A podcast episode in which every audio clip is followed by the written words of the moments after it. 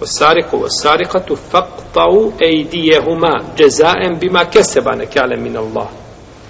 Kradljivcu i kradljivcu sjeste ruku. Ruku. Ruka u arapskom jeziku je od zgloba i od lakta i od ramena. Možeš osjeći odakle hoćeš.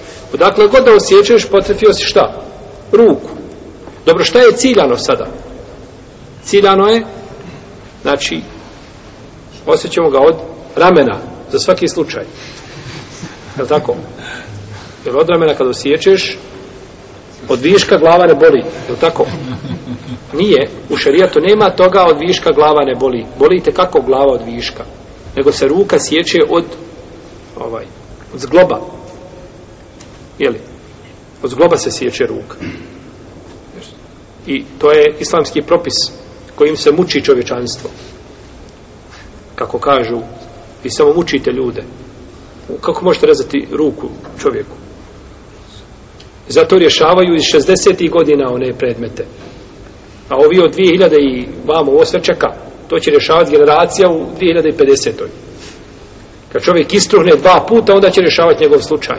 Zato što? Što nema kao adekvatne kazne ukrade i ubije i sinuje i kazna mu je da mu se sudi dvije godine se vuca po sudnici onda mu se to računa tamo nešto i onda se ispostavi da je umro poremećen došao i znao kako će sačekati i kako će stan provaliti i znao silovati i znao gdje će pare naći i umro poremećen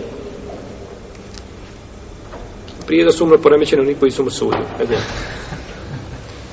znači kad nema adekvatne kazne onda ima, imaju belaji koji se dešavaju u društvu imaju belaji koji se dešavaju u društvu.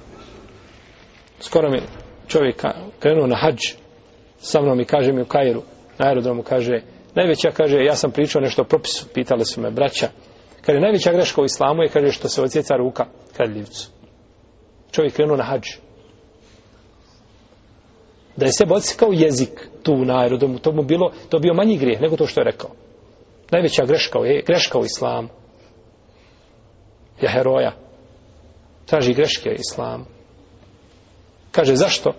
Kaže, zato što čovjeka se tada onesposobije, ne može više raditi. Pa on i onako neće da radi, da ti uratiš obrati, ali tako? Ne bi krao. I ne bi sebe dovodio u situaciju da mu se mora ruka odzići. Nego to je, to je ovaj a, lijenčuga koja želi da živi na račun drugi.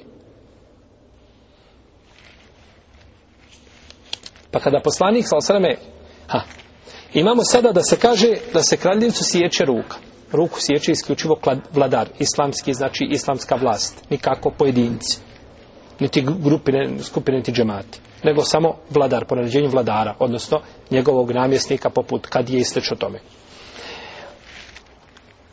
Kaže se od kradljivcu i kradljivcu sjeste ruku. Ali nemate nigdje da prevrćete sve hadijske zbirke. Nigdje nećete naći hadis da se kaže i ruka se sjeće od zgloba. Tog nema. Takvog hadisa nema nego imate hadis da je poslanik sam sam naredio praktično da se ruka e, odnosno da se ruka u vreme poslanika sam odrezala ili sjekla od zgloba. Pa je to postupak ili riječ? Postupak. Da je taj postupak pojasnio opću kuransku šta? Naredbu.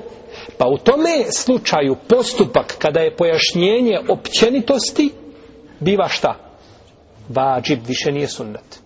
U protivnom je postupak sunnet. Pa, na primjer, dizanje ruku posle rukua. Kada neko kaže, semi Allahu li men hamide, rabbena wa lekel hamd, hamden kathiran, tajiben mubaraken, fihi digne ruke, tada je, tada je poslanik sasvim dizao ruke, nije naredio. I taj postupak ne može biti vađib. Znači, dizanje ruku, kada čovjek kaže, semi Allahu li men hamide, povratku sa rukua, nije vađib, to je sunnet.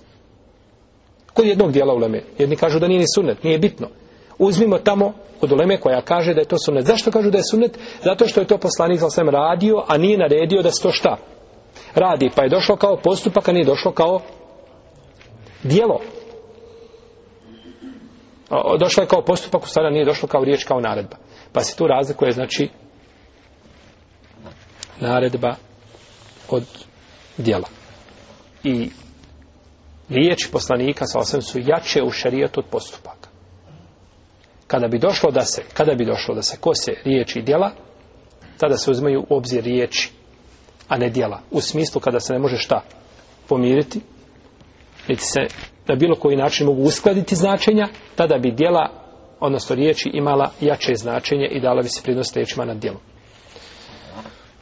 no međutim nema kontradiktornosti između poslanika i salosaleme riječi i djela